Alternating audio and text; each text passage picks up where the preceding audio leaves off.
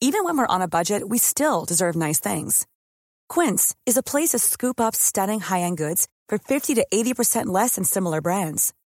They have buttery soft cashmere sweaters starting at $50, luxurious Italian leather bags, and so much more.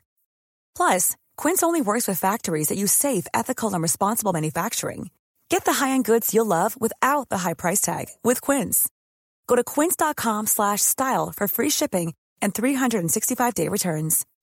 When you make decisions for your company, you look for the no-brainers. If you have a lot of mailing to do, stamps.com is the ultimate no-brainer. Use the stamps.com mobile app to mail everything you need to keep your business running with up to 89% off USPS and UPS. Make the same no-brainer decision as over 1 million other businesses with stamps.com. Use code program for a special offer. That's stamps.com, code program.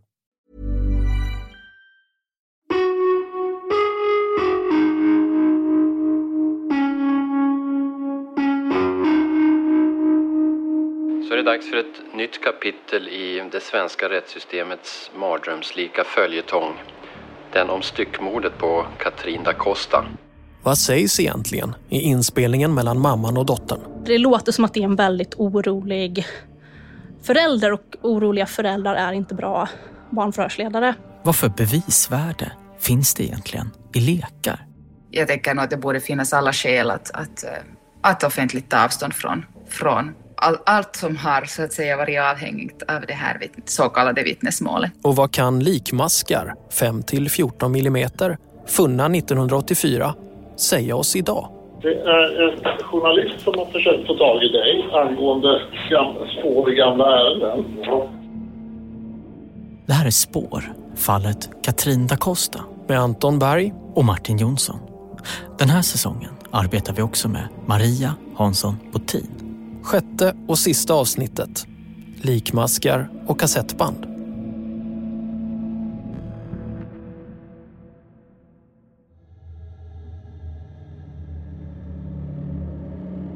Han hade skrivit någonting och sagt att det, ska, det saknas ju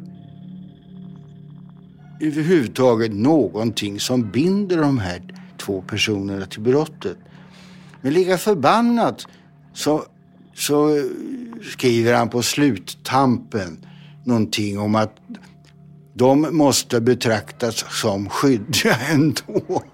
1988 har Thomas Algen och rättsläkaren Theo blivit friade från mordmisstankarna som vi berättade om i förra avsnittet. Och Thomas Algen har också blivit friad från incestanklagelser ytterligare en gång. Men i samma dom så står det Nu kommer jag läs läsa dig. Vid en samlad bedömning av den upptagna... Katrin da Costas egna uppgifter till dagboksvittnet om sin samvaro med de två läkarna och den enes dotter samt dotterns uppträdande finner tingsrätten att det är ställt utom allt rimligt tvivel Ja, att de båda läkarna och den lilla flickan som Katrin da Costa talat om med dagboksvittnet är identiska med Theo, Thomas och hans dotter samt att Theo och Thomas tillsammans och i närvaro av dottern styckat Katrin da Costas kropp under pingsthelgen 1984 eller i anslutning till denna helg. Jag tänkte, får man vara så här jävla korkad? Får man vara så här jävla korkad? Å ena sidan är de friade för anklagelserna om mord. Samtidigt så betraktas de som skyldiga till en styckning på samma bevisning som friat dem. Thomas Algen och rättsläkaren beslutar sig för att överklaga domen. Men eftersom det här alltså är en formulering i ett domskäl så är det juridiskt omöjligt för dem att ens få prövning i en högre instans.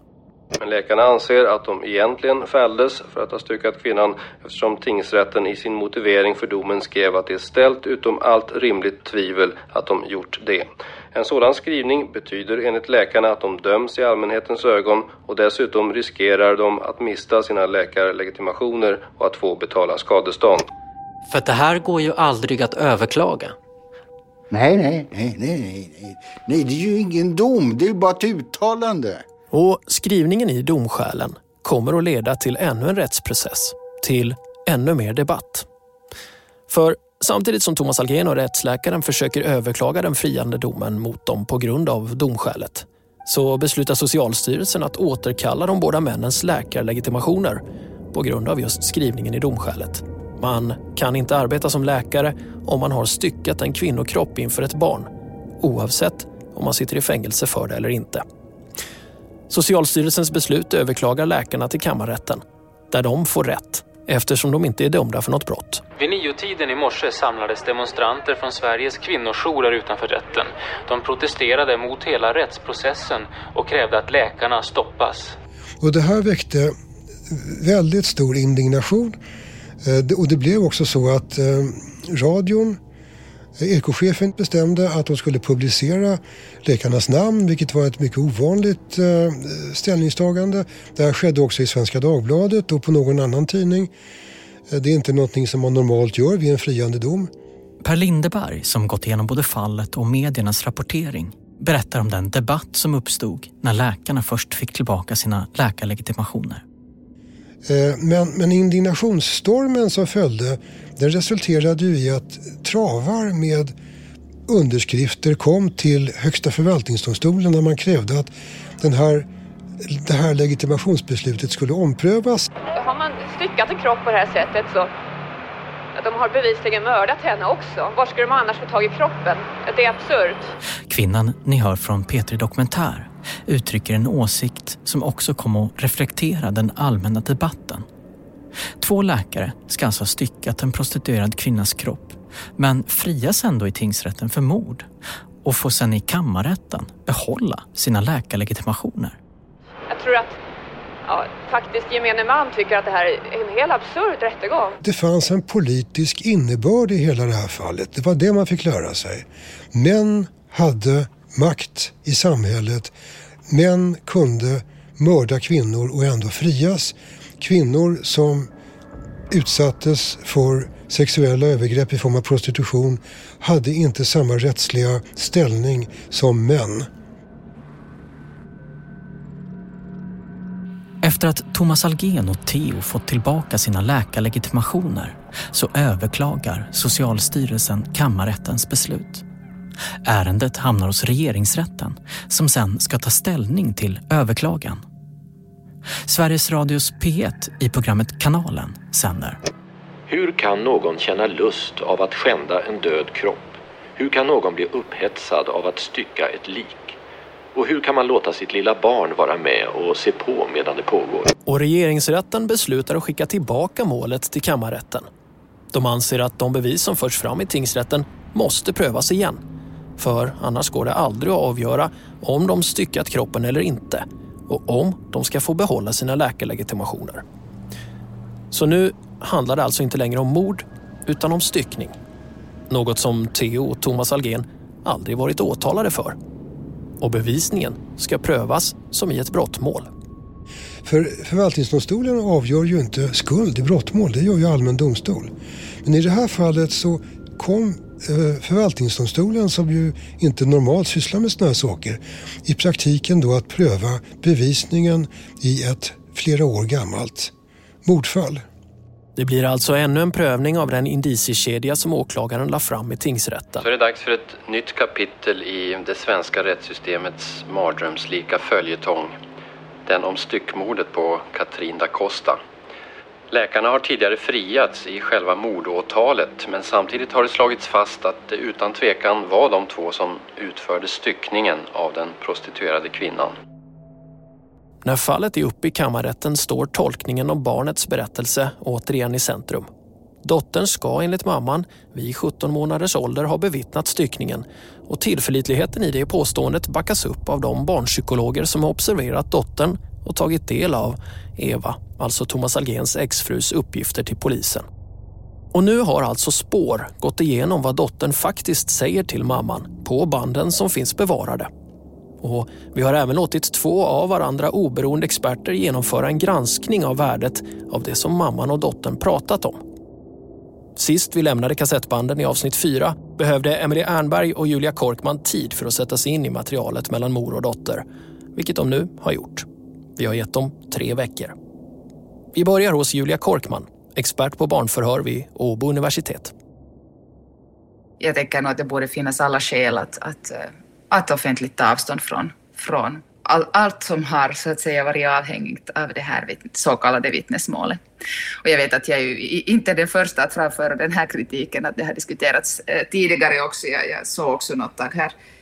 Julia Korkman har tidigare också bedrivit forskning på vilket bevisvärde inspelningar har som är gjorda av anhöriga som menar att deras barn har utsatts för någon form av sexuella övergrepp.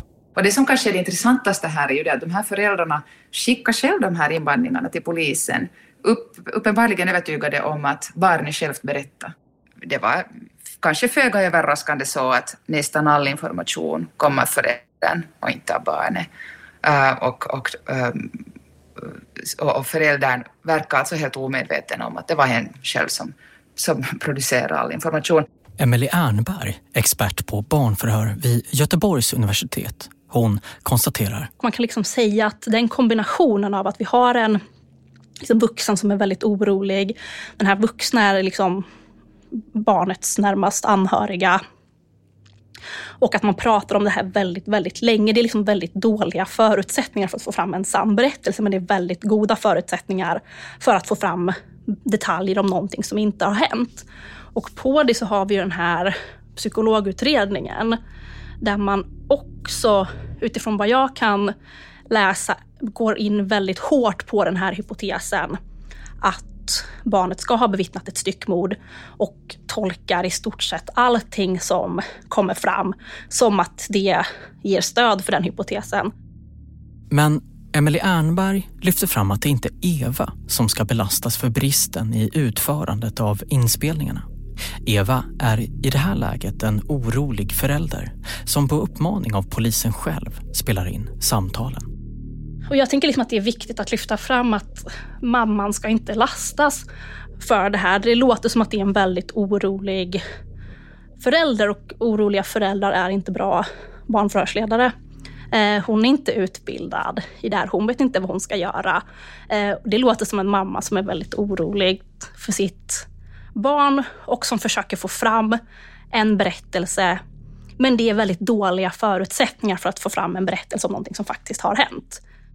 Så vad är det egentligen som sägs på banden? Jag hade nog förväntat mig mer att det skulle finnas en ansats till att hålla något slags förhör med det här barnet, att försöka få fram en berättelse. Och det enda som finns är att de sitter och leker. Sen leker de ju att mamman är död.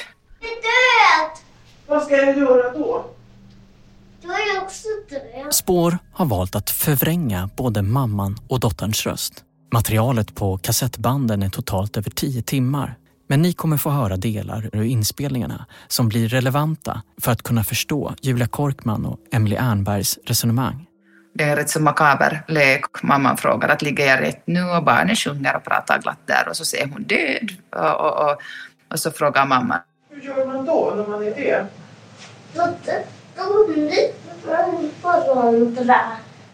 Och mamman försöker fråga att vad händer då? Jaha, så ligger man när man är död. Vad gör man med en som är död? Och så säger hon att ja, men du måste ju visa mig i sådana fall hur jag ska leka det, för jag vet inte hur man ska leka det. Så håller de på och diskuterar hur man ska ha fötterna om man är död. Idag, menar Emelie Ernberg, skulle man inte använt sig av lekar i någon form av barnförhör för att få fram en berättelse. Och i barnförhör så tar man ju inte in leksaker för man vill att barnet ska berätta om vad de har varit med om. Man vill inte att det ska handla om fantasier och hitta på. Men vad gör du med mig nu då? Vänta lite, vi gör så här. Ja, ja, och jag och mamman ser att hon ska dra ut jackan så de kan fortsätta leka utan att bli störda. Och så frågar hon, fortsätter hon att ligga och leka död och ser att ligger jag rätt nu? Och att jag måste veta först uh, och säger hon att men vänta du tar mig hårt på magen. Mm, bekräftar barnet. Men inte jag är död för att du tar mig på magen. Och, och så fortsätter de så här. Ett spöke! Oj, kom så ska man liksom köpa den här berättelsen så får man ju också på något sätt köpa att de har ett spöke i rummet när de leker, för det säger hon ju i samma vända. Och det är för mig liksom ett väldigt tydligt tecken på att det här handlar om en lek och inte om ett återberättande av någon faktisk upplevelse. Just lekarna har också Julia Korkman reagerat på. Det är helt klarlagt att barn, äh, det de gör om de blir ombedda att leka är uttryckligen att leka och börja fantisera. Och ger man dem sen uh, någon slags um, någon slags incentiv eller någon slags sån här eh, plock angående vad det är de ska leka kring så är de väldigt benägna att börja leka åt det hållet. Det finns alltså många, många tidigare fall i historien också där, där barn har i sådana här eh, lekintervjuer Eh, där barn har faktiskt börjat producera alldeles fruktansvärda gruvliga detaljer om, om, om sexuella övergrepp och, och, och, och dödande av spädbarn och annat. Det finns flera, flera kända internationella fall där, där så här har hänt. Åklagaren Anders Helin har i sina presentationer av vad dottern sagt berättat om en docka som blivit av med sitt huvud. I kassettbanden finns det inte nämnt någonstans. Däremot så kan spår hitta förhör med mamman och polisen där hon berättat att dottern haft en baddocka som gick att plocka isär och bett att mamman skulle varit med och leka. Det är troligtvis från det här tillfället som mamman och barnet leker tillsammans som citat som tantens huvud av ursprungligen kommer ifrån. Men då utan att någon redovisat att det i grunden också var en lek mellan en mamma och en dotter. När åklagaren Anders Helin senare kommer att presentera vad dottern sagt så berättar han att dottern sett hur tanten sågats. Det här är något som Julia Korkman reagerat på därför att Eva och dottern de leker med en verktygslåda med en såg i och en hammare. Vilket Julia Korkman menar kommer leda till det uppenbara resultatet att dottern kommer såga. Jag menar, vad gör man med sågar och hammare? Man sågar och hamrar. Det är liksom inte så eller, eller liksom... Begreppet tomt, som vi berättat om i tidigare program, som blev väldigt omdebatterat.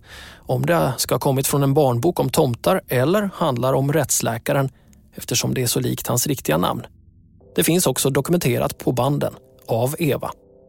Av totalt tio timmar rör det sig om cirka fem tillfällen som tomt kommer upp. Och då i sammanhang som det här. Vad såg du för någonting? En? Ja, en vägg får man såga. Vad är det man inte får såga? Ja, det får absolut inte såga. Vad är det mer man inte får såga? Mammor. Vad sa du? Nej, inte snälla papporna. Nej. Förstås. Det kan man ju inte göra. Och inte snälla grannar. Snälla tomt. Är tomt snäll, tycker du? Så är det ju igen så här att det är liksom några få uttalanden som mamman liksom själv leder barnet ofta till att säga och som hon sen på något vis plockar ihop till någon slags rimlig uh, sammanhängande berättelse, eller orimlig i det här fallet, uh, på ett sätt som nog är ganska mystiskt. Det var mer och mer. Hade vi sällskap med någon? Var det någon som var med oss? Eva har tidigare i polisförhör medgett att hon legat ett steg före dottern. Alltså att det är mamman som leder dottern i samtalen. Vilket blir extra tydligt, menar Emelie Ernberg när hon går igenom kassettbanden. Barnet pratar om saker och mamman kommer med förslag på att ja, var det pappa som gjorde så? Var det så pappa gjorde när han gjorde det illa och så vidare. När vi har föräldrar som är extremt oroliga för sina barn och som ska försöka utreda vad som hänt så kan vi se att det är väldigt vanligt att man börjar ställa ledande frågor. Eh, man för in viktig information i samtalet. Vad ska vi säga till honom? Vi säger något mer till honom. För att när det kommer till att liksom förhöra barn så skiljer det sig väldigt mycket från hur liksom vi pratar med våra barn till, till vardag. Så man kan vara en jättebra förälder eller vara jättebra med barn.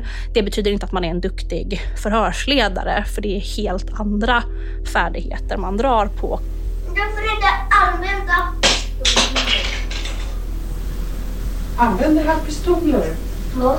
Använder han pistoler? Man sitter och leker och fantiserar. Det blir liksom ytterligare ett problem när det kommer till den här frågan om de här uppgifterna blir tillförlitliga eller inte. För det är så tydligt att det då mycket väl kan handla om lek och fantasi. Jag vill inte se att det är särskilt hög tillförlitlighet i de här uppgifterna alls. Julia Korkman menar att barnet har blivit utsatt för suggestion. Något som varken psykologen eller tingsrätten kunnat ta ställning till eftersom de aldrig lyssnat på just banden.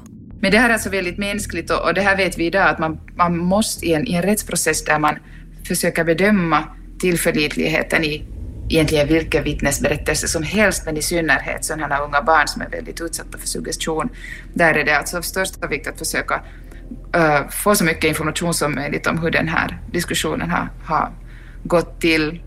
Och, och, det där, och det har man ju inte gjort i, i, det här, i de här tidiga bedömningarna av, av det här Da Costa-fallet, utan man har, man har förlitat sig till mammans berättelser av vad dottern skulle ha sagt. Och till och med ju rätt så besynnerliga och rätt så luddiga.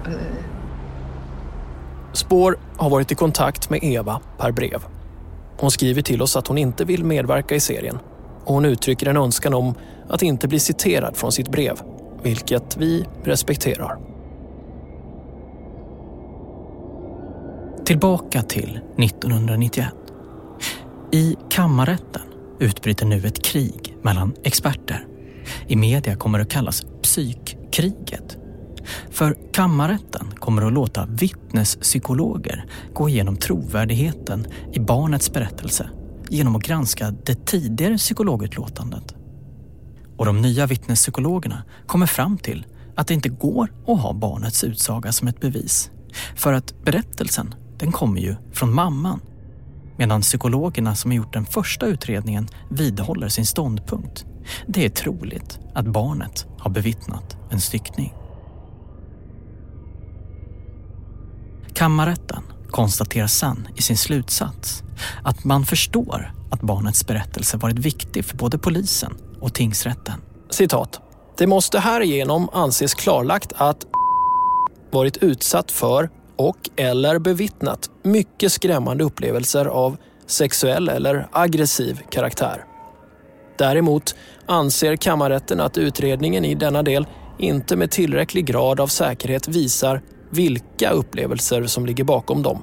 Slutcitat. Kammarrätten menar med andra ord att dottern har upplevt någonting traumatiskt, men att man inte kan säga exakt vad. Den 31 maj 1991 kommer domen. Kammarrätten har konstaterat att flertalet av vittnena som pekat ut de två männen som framträtt åratal efter att Katrina Costa dött är trovärdiga. Kammarrätten menar att Thomas Algen lämnat in bilder från en styckning för framkallning så som fotohandlarparet hävdat. Men man konstaterar att Thomas Algen behöver hjälp och därför inte kunna begått styckningen ensam. Man menar att personen som styckat Katrina Costa måste haft ingående kunskaper i anatomi. Den äldre kvinnan med hunden har sett de båda männen utanför rättsläkarstationen på Pingst.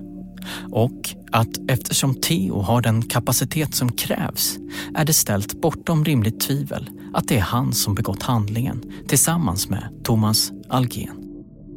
Och man skriver också att de enskilda delarna i sig inte är tillräckligt som bevisning för att männen är skyldiga till styckningen. Men sätter man samman dem så skapas en trovärdig bild.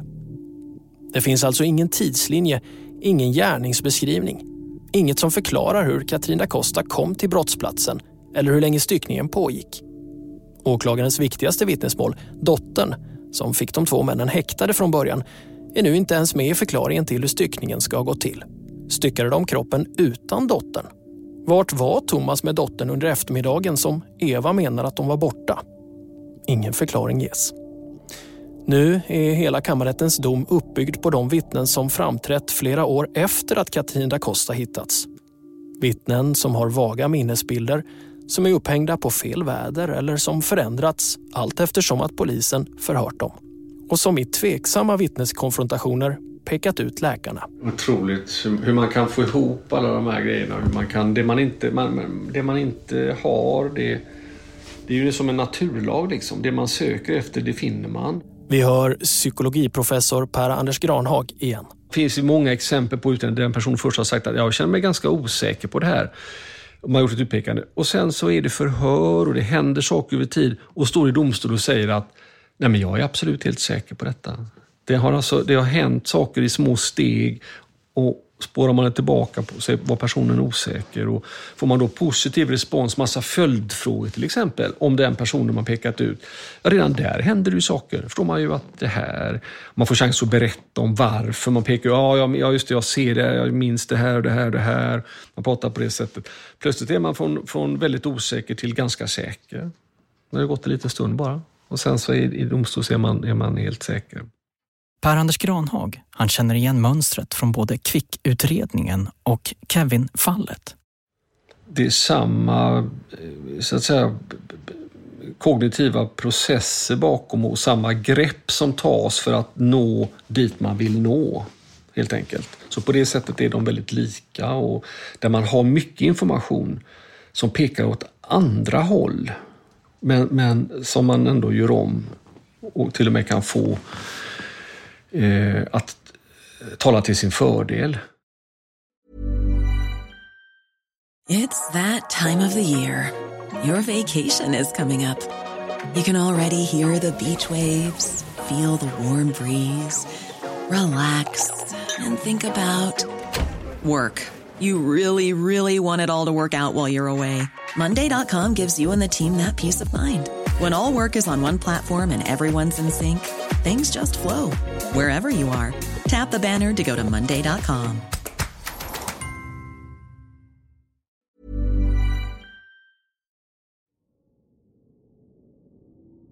Konsekvensen av kammarrättens beslut blir att Thomas Algen och rättsläkaren Theo blir av med sina läkarlegitimationer. Jag hade ju andra yrken som jag kunde liksom luta mig tillbaka på. I slutändan så blev det så här att de sista tio åren, eller inte fullt tio år, men åtta, nio år, så jobbade jag ihop med min pappa. Och då var det så här att han skötte det medicinska, medicinska. Och jag skötte det administrativa och ekonomiska. Och databehandling och sånt. Det var jag ju utbildad för. Tidigare, före medicinen. Och... Um, fan, jag har aldrig haft så trevligt som jag jobbar ihop med farsan. Men hur är det för dig att ändå veta att den enskilt viktigaste bevisningen för att allt det här ska ha skett är din dotter som ska bevittnat, menar åklagaren, en styckning och ett mord? Det, alltså för mig, som, jag menar, och för många andra, så är det ju det är fullkomligt orimligt. Psykologiforskaren Emily Ernberg har sin syn på det här fallet klar på något sätt så är ju det här en illustration av i princip allting som kan gå fel under en brottsutredning. Jag brukar ibland säga att man skulle nästan kunna ha en hel kurs i rättspsykologi bara baserat på det här fallet, för det är så mycket och det är huvudsakligen det här som kallas för, kallas för barnets berättelse, som jag efter att ha lyssnat på banden inte har riktigt hittat en sådan berättelse. Men det är så mycket annat som händer i utredningen också. Man har ju de här vittneskonfrontationerna som man kan eh, prata om. Eh, man har vittnen som dyker upp långt efter att det här ska ha inträffat och vi har berättelser som växer fram och det finns liksom utifrån vad man kan läsa liksom ingen objektiv utredning utan man kör väldigt snabbt in på ett spår och fastnar där och missar antagligen väldigt viktiga andra spår som man hade behövt utreda. Idag är mordet på Katrin da Costa preskriberat. Om den eller de som begått mordet är vid liv kan de alltså inte dömas för det. Efter att Per Lindebergs bok Döden är en man publiceras 1999 så öppnas förundersökningen igen. Det är först nu polisen börjar följa upp en del av de personer som aldrig utreddes ordentligt under 80-talet. Som arkitekten. Men det har gått lång tid.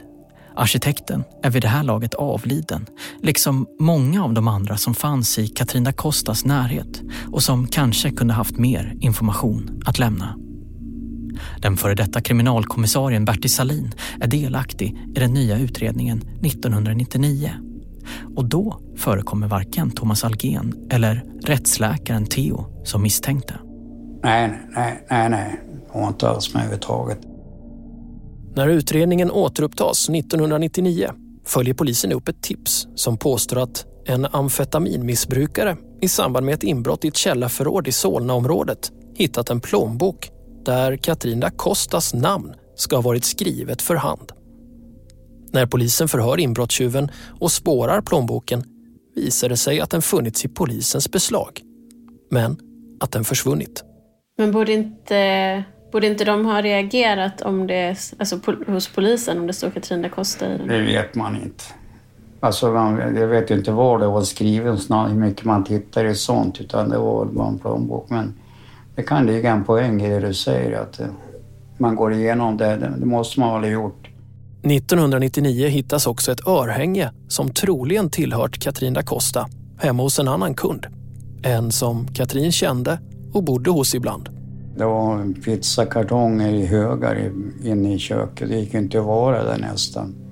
Varvat med porrtidningar och såna här listor, sexsamtal och allt möjligt. Toaletten var helt demolerad. Och jag vet inte varför han inte hade tagit tag i saker och ting, men tiden kan ju stanna för honom. Däremot var det ett rum som var, det var väldigt prydligt och snyggt och det fanns något skrin bredvid det med, med ett par örhängen var det. Eller om det var ett örhänge, jag kommer inte ihåg riktigt. Men det fanns i alla fall örhänge där. Men, men grejen var ju den att eh, det var ju känt att hon hade bott där. Vi hade ju tekniker där, men de kom ju fram till ett nollresultat, att det finns ingenting här att hämta. Så att, eh, om man hade undersökt örhänget tror jag inte, det hade ju inte förändrats någonting. Jo, då hade man kanske lagt kvar där och glömt det kvar eller vad som helst. Och 1999 försöker man ytterligare en sista gång gå igenom fyndplatsen efter teknisk bevisning. En sak som Bertil Salin reagerar på är den där handduken som han hittat vid fyndplatsen, som vi också berättade om i första avsnittet. Från handduken har teknikerna då, 1984, plockat hårstrån. Men som man 1999 inte har metoder för att DNA-testa. Men på bilderna av frottéhandduken så går det att se fläckar Kanske går det att få fram ytterligare DNA från fläckarna? På en ny undersökning på den om det fanns annat DNA som man kunde spåra. Och handduken den var ju borta som berättade tidigare och den återfanns aldrig. Sex år senare, 2005, har DNA-teknik utvecklats ytterligare och man bestämmer sig för att testa hårstråna. Vad man kan se är att hårstråna kommer från två personer. Den ena är inte så förvånande, de kommer från Katrina Costa. Men så finns det ytterligare hårstrån från en ännu okänd person. 2005 bestämmer han sig för att testa mot Thomas Algen och Theo. Vi har fått besked från Uppsala universitet då att eh, från prover som vi tidigare skickade in på de tidigare misstänkta läkarnas eh, har givit resultat att det var inte deras hårstrå på den här aktuella handduken. Och den här handduken är knuten till Da Costa? Ja, vi har i våras så har vi kny, kunnat knyta den här handduken eh, till Da Costa genom DNA eh, på andra hårstrån som har funnits på den här handduken. Vi har ju alltså ytterligare någon okänd persons hår. Men där slutar undersökningen. Man väljer att inte testa två andra personer som figurerat som misstänkta. Den ena av dem är den polske slaktaren han som var dömd för att ha dödat tre personer, varav ett var ett styckmord. Och när man inte DNA-testade hårstråna mot den polske slaktaren reagerade polisen Thomas Götling, han som från början tipsade om att titta närmare på den polska slaktaren och JO-anmälde polisen. Jag tyckte det var så naturlig väg att man skulle gå vidare när det fanns en möjlighet att se och jämföra det DNA med det man hade säkrat på handduken som väl hittades i ett... Hur det så har ju hela tiden de här två läkarna varit utpekade som misstänkta gärningsmän. Och I många ögon så är de väl skyldiga men det vore väl förnämligt om det gick att fastställa om det är så att det är någon annan gärningsman. Bertil Salin tror idag att det är omöjligt att lösa fallet. Nej, jag tror aldrig någonsin att det blir någon lösning på, tyvärr, på da Costa. Den, det tåget passerar på för många stationer i slutändan. Där, bland annat med hårstrån och handduken. Och... Vi kom för sent.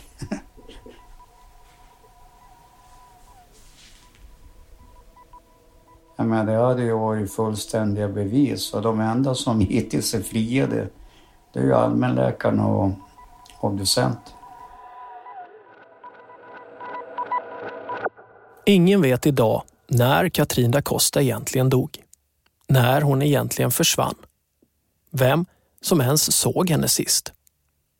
Men spår hittar ändå en detalj som kanske idag skulle kunna sprida nytt ljus.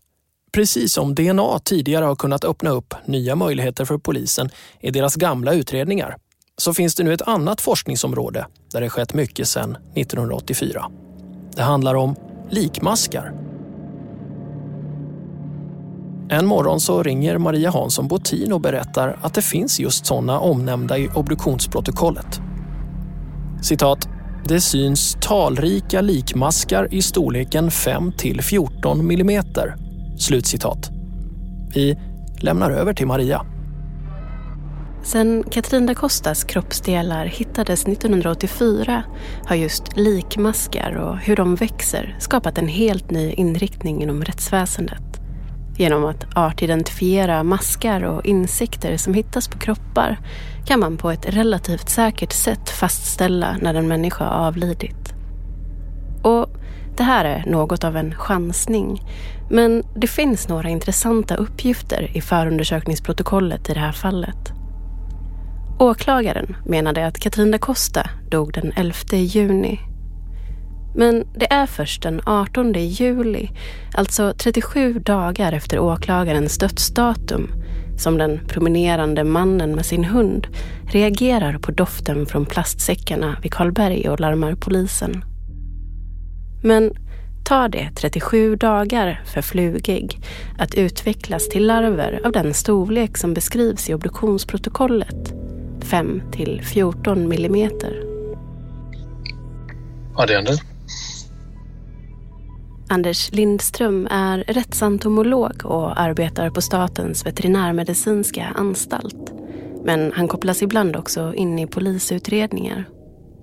Vi har skickat honom obduktionsprotokollet, de tekniska protokollen från fyndplatserna och väderdata från SMHIs väderstationer i Stockholm, dag för dag från sommaren 1984. För att se vad han kan ta reda på om när flugor måste ha kommit åt kroppen. Alltså, problemet är väl där att ingen av de här kommer att liksom komma ens i närheten av eh, av den 10 juni. Vid den första av de två fyndplatserna i det här fallet, vid Karlbergs strand, kan vi läsa i obduktionsprotokollet att fluglarverna är mellan 5 och 14 millimeter långa. Man hittar också i säckarna okläckta flugpuppor. Puppor är det sista stadiet av larven innan den förvandlas till fluga och lämnar kroppen. För den påsen så verkar det vara då mellan 12-13 juli. De som hittades den 18. Då måste äggen ha lagts.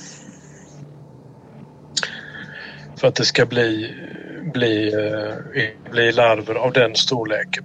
De här larverna har alltså enligt Anders Lindströms beräkningar kommit ur ägg som lagts runt den 12-13 juli en månad efter det dödsdatum som åklagaren slog fast. På fyndplats två, där säckar upptäcks tre veckor efter de första fynden, hittas inte bara larver och okläckta puppor i säckarna. Här har processen kommit längre och det finns både okläckta och kläckta puppor. Och till och med några slöa, grönaktiga flugor enligt obduktionsprotokollet. De här larverna, pupporna och flugorna kommer från ägg som lagts någon gång under första halvan av juli enligt Anders Lindströms beräkningar. Men antingen då så, så har hon ju levt längre än vad man tror. Så att de här äggen, de larverna som jag observerar, de kommer ju från ägg. Och de har ju lagts på kroppen efter att hon har dött. Och då kan det ju vara till exempel i samband med att hon mördades och styckades. Men Anders Lindström pekar på en rad osäkerhetsfaktorer. För det finns egentligen bara tre alternativ här. Antingen har Katrin da Costa levt längre än vad vi trott. Eller så har kroppen förvarats. Någonstans där, där den har liksom blivit åtkomlig då senare. Men, men då, om den inte har varit fryst och sådär så vore det ju... Så är det, det blir ganska obehagligt att liksom hålla likdelar på det viset. Som det börjar lukta. Eller så finns det ett tredje alternativ. Och det är att det finns äldre larver som vi inte känner till. För det går att se i det tekniska protokollet från den första fyndplatsen där det fanns larver och okläckta flugpuppor att de delar av plastsäckarna som låg mot marken var perforerade av insekter. De äldsta larverna kan alltså ha lämnat säckarna innan de hittas. Så vad gäller de säckarna är det svårt att dra några slutsatser. Om den andra fyndplatsen står det att säckarna är citat, i stort sett hela. Slutcitat. Vad det betyder framgår inte. Men i de säckarna fanns det alltså även några slöa flugor som inte lyckats lämna kroppen, vilket flugorna brukar göra när de är färdigutvecklade. Och frågan är, var någon av de här säckarna hel? Fanns flugorna kvar för att de inte kunde ta sig ut? Och det här är viktig information. För om säckarna inte är hela så betyder det... Det gör ju att flugor kan komma in och lägga ägg i påsen också. Eller lägga ägg utanpå påsen och så kryper larverna in. Så om alla säckar är trasiga så kan de mycket väl ha legat där sedan pingst. Även om de larver som hittades kommer från ägg som lades i början av juli. Men om någon säck däremot var hel, då skulle vi veta att säckarna förslöts och dumpades först i juli. Alltså långt senare än polisen tidigare trott. Så, så problemet är att vi saknar data här. Vi har fått fragment av data och så, och så försöker vi göra någonting av det. Men, men vi vet inte ens hur många pusselbitar vi saknar. Vi vet ju inte hur det är med, med ägg, alltså om det har funnits mer ägg och larver som vi inte har sett. Alltså som ligger i marken då. Så för att ta reda på om någon säck var hel så ber spårpersonal som arbetar med gamla spår inom polisen att återigen plocka fram plastsäckarna. Jag söker en kriminaltekniker i Stockholm som heter... Ja, du där är bara ett mobilnummer till honom. Ska du ha det innan jag kopplar dig om det skulle hända något här? Den ena jobbar som trafikpolis nere i Skåne och den andra jobbar i utlandet. Ja, nej men då är det mycket möjligt att han har gått i pension helt enkelt. Eh, vill du att jag lägger in något meddelande? Att du har sökt eh, eh honom? Hur, hur har du fått tag i det här numret? Eh, alltså är du kopplad i växeln eller? Eh, nej men det är så här, jag har haft rätt så mycket kontakt. Han sitter uh, mitt emot mig i ett rum här så att han borde kunna svara. men du, kan, om, om jag lämnar över luren till honom så kanske han kan hjäl vara behjälplig, eventuellt. Ja, men ja, absolut om du vill göra det. Så. Det är en journalist som har försökt få tag i dig angående gamla, spår i gamla ärenden. Du kanske eventuellt vet någonting om det här. Men ingen verkar ens veta om säckarna finns kvar. Nej, men jag lovar, jag ska kolla det och så återkommer jag i, i början. För att finns det så, så borde jag kunna ta reda på det ganska omgående. Och finns det inte, vilket jag förmodligen tror att det inte gör. Men, men i vilket fall, jag, jag ska titta så får vi se om det kan finnas någonting. De spårkontakter som jobbat med utredningen minns inte hur säckarna såg ut. Eller var de finns. Och det finns inte heller någon central samlingsplats för gamla spår i Kalla fall. Senast någon tittade på säckarna var för 20 år sedan, 2002, då SKL på uppdrag av en advokat gick igenom säckarna igen för att se om det fanns några fingeravtryck kvar. Fingeravtrycken som då fanns bevarade efter att säckarna sköljdes av redan 1984 pekade inte i någon riktning eftersom de var i för dåligt skick. Hade säckarna funnits kvar och om någon av dem inte hade haft hål i sig hade vi kunnat lägga en till liten pusselbit i vad som hände. För då hade vi vetat att säckarna dumpats långt efter pingst 1984.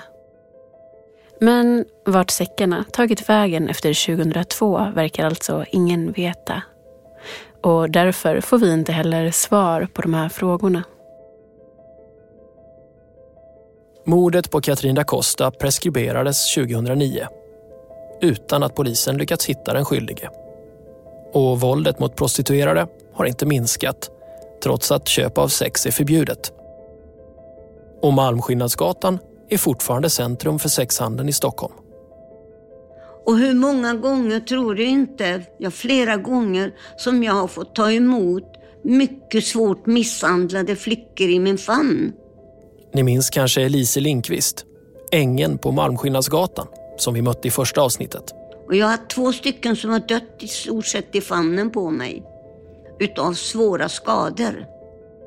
Hon träffar prostituerade som fortfarande är rädda för Theo och Thomas Algen. Även bland de mest utsatta på Malmskillnadsgatan lever ryktet om läkarna kvar. För än idag så går mina flickor och undrar, är det rättsläkarna? Är det den här mördaren som jag sätter mig i bilen nu? Journalisten Per Lindeberg. De kan aldrig få den här domen överklagad. Det finns ingen instansordning för dem. Det finns ingen rättssäkerhet. Så tingsrätten i Stockholm berövade dem deras rättssäkerhet. Och det gör en ju faktiskt oerhört upprörd alltså.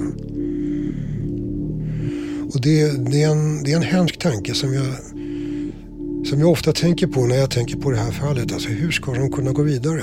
I synnerhet som de inte har fått någon upprättelse. De blev ju hatobjekt för hela samhället. Och det här blev en, en, en katastrof, inte bara för dem själva utan också för deras eh, föräldrar och deras barn. Va? Det har nu gått nästan 38 år sedan Katrin da Costa försvann. De få sista spåren efter henne, en gammal kund, arkitekten, som säger att hon sköt heroin hemma hos honom innan han bad henne att gå. Katrin da Costa var hemlös. Hon hade sina tillhörigheter utspridda. De viktigaste inlåsta på Centralen i Stockholm. Den 11 juni, när åklagaren menar att hon dött och dödats av Thomas Algen och Theo, så ringer hon sin vän och ber om att få låna ett sommarhus för att kunna börja om. Hon får aldrig chans att göra det. Långt senare kommer andra vittnen också träda fram och säga att de möjligtvis såg henne ännu lite senare den här veckan. Men som med alla vittnesmål är det väldigt svårt att bedöma tillförlitligheten. Något som kanske blir tydligt i det här fallet. Där det är en åtalsprocess som bygger på vittnesmål som kommer efter varandra flera år efter det att Katrina Costa sist sågs. För kanske hade polisen kunnat lösa det här brottet om man inte fastnat för ett särskilt vittnesmål. Det som påstods komma från ett 17 månader gammalt barn. Vad hade hänt om poliserna lyssnat på kassettbanden och verkligen förstått hur uppgifterna från mamman och dottern vuxit fram? Kanske hade man då kommit fram till samma slutsats som barnförhörsexperten Julia Korkman. Jag tänker nog att det borde finnas alla skäl att, att, att offentligt ta avstånd från, från all, allt som har så att säga varit avhängigt av det här så kallade vittnesmålet. Men det får vi aldrig veta. Det enda vi vet är att Katrina Kostas mördare går fri och att polisen missade att utreda flera möjliga gärningspersoner. Thomas Algen och rättsläkaren har överklagat och sökt resning sammanlagt 16 gånger på grund av den där skrivningen i domskälet. Och de har sökt skadestånd utan att någonsin lyckas. Bitter? Ja. Nej, nej, det är jag inte. Jag har inte tid med det. Jag har så jävla mycket annat att göra. Nej, jag är bitter. Nej då, nej, nej, nej. Jag är inte alls bitter. Om du fick prata med din dotter idag, vad skulle du säga till henne då? Ja, ingen aning. Jag vet inte. Det, det har gått så jävla lång tid. Det är alltså, hon är snart 40 år gammal. Hon fyller år nästa år. 40 år. Och hon var två och ett halvt år när jag såg henne senast. Det har liksom flutit mycket vatten under Stockholms broar under den här tiden.